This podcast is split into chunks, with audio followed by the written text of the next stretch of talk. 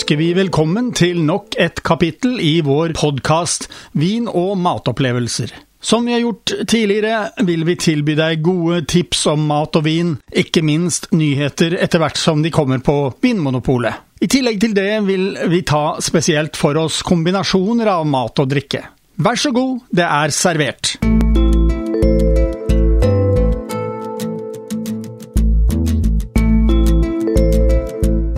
Ja, Jan Egil, nå sitter vi her med en del flasker foran oss, og vi har to eh, prøveglass. Og eh, det nærmer seg eh, første fredagen i mars, når disse kommer på polet. Altså, nå fikk vi en spumante, en pizzolato. Spumante rosé, ekstra dry, står det på flasken, i glasset. Og det var, ja noen kaller det damevin, men eh, jeg vet ikke hva du kaller det? Jo, jeg nok, eh, tenderer nok til å være enig i den beskrivelsen at dette er en eh, kall det feminin vin. Det er en veldig snill forpakningen, eller flasken er også litt sånn feminin, vakker rosé. Det vi får fortalt her om denne vinen, som er ny for meg, det er at den er lagd på Prosecco-metoden. De har ikke lov til ennå å kalle rosé-bobleviner for Prosecco, men det er visst rett rundt hjørnet. Dette er en uh, av det jeg vil kalle terrassevin. Det er ikke så veldig mye mat som, uh, som denne tåler, egentlig, før den blir borte. Det er 15 gram sukker her eh, per liter vin, og, og, det er jo en eh, skikkelig halvtørr vin. Eh, og det kjenner vi. Men jeg vil tro at hvis du eh, tar og, eh, og kjøler ned denne her, serveres godt avkjølt, så kan den både gå på terrassen, men kanskje du kan ha den til litt ja, fisk, skalldyr. Ja, hvis det er uh, forsiktig krydra, holdt jeg på å si, forsiktig stekt, ikke noe fete sauser, så, så, så, kan det gå. Den, uh, for meg så er dette en utpreget terrassevin, altså. Den, den, er behagelig, gode aromaer til alle mulige henseende, men som sagt ganske en god del sukker, altså. Så den er vel kanskje for slanke mennesker. Men uh, veldig lett å like, vil jeg tro, i et hyggelig lag. I og med at uh, alkoholprosenten ikke er mer enn 11% så um, får den også en hyggelig pris uh, på 140 kroner. Det er jo ikke så gærent. Og en fin gave. Jeg ville tenkt en fin sånn sommergave. Som en blomst til vertinna. Men da hopper vi over til eh, fortsatt på hviteviner, eller eh, vi starter på hviteviner, for å si det sånn. Chateau de Pierreux, eh, en Beaujolais Village Chardonnay fra 2018. Det er eh, en vin som prismessig ligger på 170 kroner. Det er 100% chardonnay-drue, ikke noe innblanding av andre ting der. Men hva, hva, tror du vi kan bruke den her til? Ja, dette er jo en veldig solid vin som kan gå til fisk skalldyr. Den tåler også sauser av den litt mer kremede sorten. Smørsauser osv. Absolutt. Ikke så Til å være en såpass velprodusert hvit vin, så er prisen 170 kroner, og det, det, er, det lar seg høre, det. Men det er absolutt en, en vin da som eh, kan tåle ganske mye sjømat, vil jeg tro. Og det har vel kanskje noe med at den uh, har både uh, god fylde og den er tørr. Ja, man merker jo at dette er en uh, chardonnay fordi det er litt sånn fersken. Den er tørr. Den har mye med seg som, som gjør at den er en utprega matvin, spør du meg. I et uh, tidligere kapittel av vår podkast så har vi snakket om uh, juraviner. Og det er jo fordi at de kommer nå på Vinmonopolet til første fredag i mars. Og nå er vi inne på noen juraviner som kommer i hyllene. De vel, altså ikke alle steder. Det er på bestillingsutvalget disse også, men noen butikker vil nok ta dem inn. Denne som er fra Côte Gira Jura-åsene, uh, den uh, har bare vært på stortanker.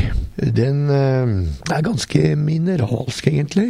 Chardonnay-druen? Det er chardonnay-druen, ja. Og er også en sånn vin som, eh, som kan gå til mange typer mat. Jeg, vil, også, jeg tenker sånn fjærfekjøtt også, ved siden av ren sjømat. Prisen lar seg, all, lar seg, høre. Det er 160 kroner. Det vi vet, det er at juravinene er temmelig dyre. Det er et dyrt, dyrt område vinmessig. Det er et spennende område som jeg syns folk skal gjøre seg litt mer kjent med. Den heter Mer eh, Grand Mineral Côte Gira eh, Chardonnay fra 2018. Ja. 2018. Kun ståltanker, ikke dette eikede preget. Og er utpreget sånn gyllen farge. Vi har et, selvfølgelig da et hint av sitrus og fersken.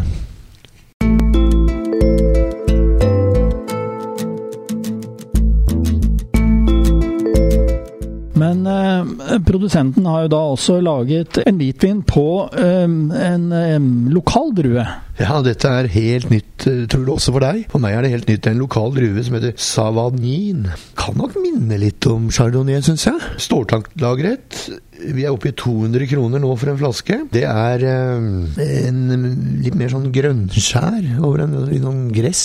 Ikke så tropisk preget frukt som vi kjenner fra chardonnay. Litt mer sånn urte grønt. Kan nok gjøre seg til mye sjømat, det nå. Men jeg syns den her hadde gjort seg bra som en, som en vin, bare å ta et glass hvitvin. Og betaler du 20 kroner til, dvs. Si, eh, 220 kroner for en flaske, så kan du få en eh, virkelig kraftbombe. Ja, og denne har ja, noe ved seg som, eh, som, jeg ikke har opplevd på hvitviner før, annet enn fra sydlige deler av Spania. Den har, hatt, den har fått et sånt flolag, som er en slags sånn sopp som legger et lokk som er kjent fra produ produksjonen av uh, sherryviner sør i uh, Spania. Og dette flolaget setter sitt preg på produktet. Og selv om uh, den er laget på akkurat samme druen som den forrige vi snakket om, så er det et helt annet sm smaksbilde i denne. Ja, og det er denne, dette florsoppen som legger seg på toppen, altså som et lokk under, eh, under, produksjonen. Så man vet vel ikke helt hva denne floren kommer fra, men den er der og setter sitt preg. Og den, den vinen, selv om det er samme druen, samme flasken, holdt jeg på å si, så er det to vidt forskjellige viner. Et litt sånt sherrypreg får jeg i hodet når eh, jeg smaker på den. Absolutt sherrypreg. Helt sherry. Jeg tenkte at dette, dette er jo en sherry. Manzanilla, den typen. Men det er det jo ikke. Litt sitruspreg, selv om dette floret er liksom helt dominerende for meg i smaksbildet. Også arom, ar aromaen av flor. Så er det en friskhet, og jeg vil kalle det Vi vil ha brukt det til en type mat. Vi vet jo spanjolene bruker sherry til tapas.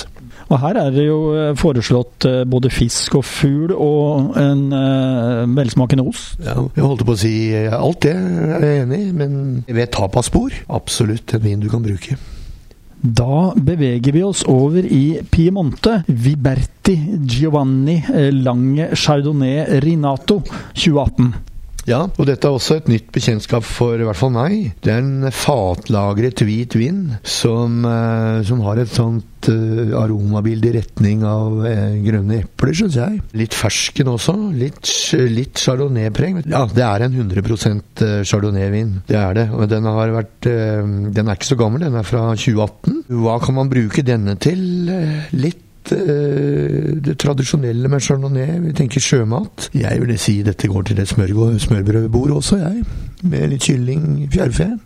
For denne hadde mye kraft å fylle? Ja, det er klart det er en kraftig, kraftig vin, altså. Fatlagret. Selv om den da er fra 2018.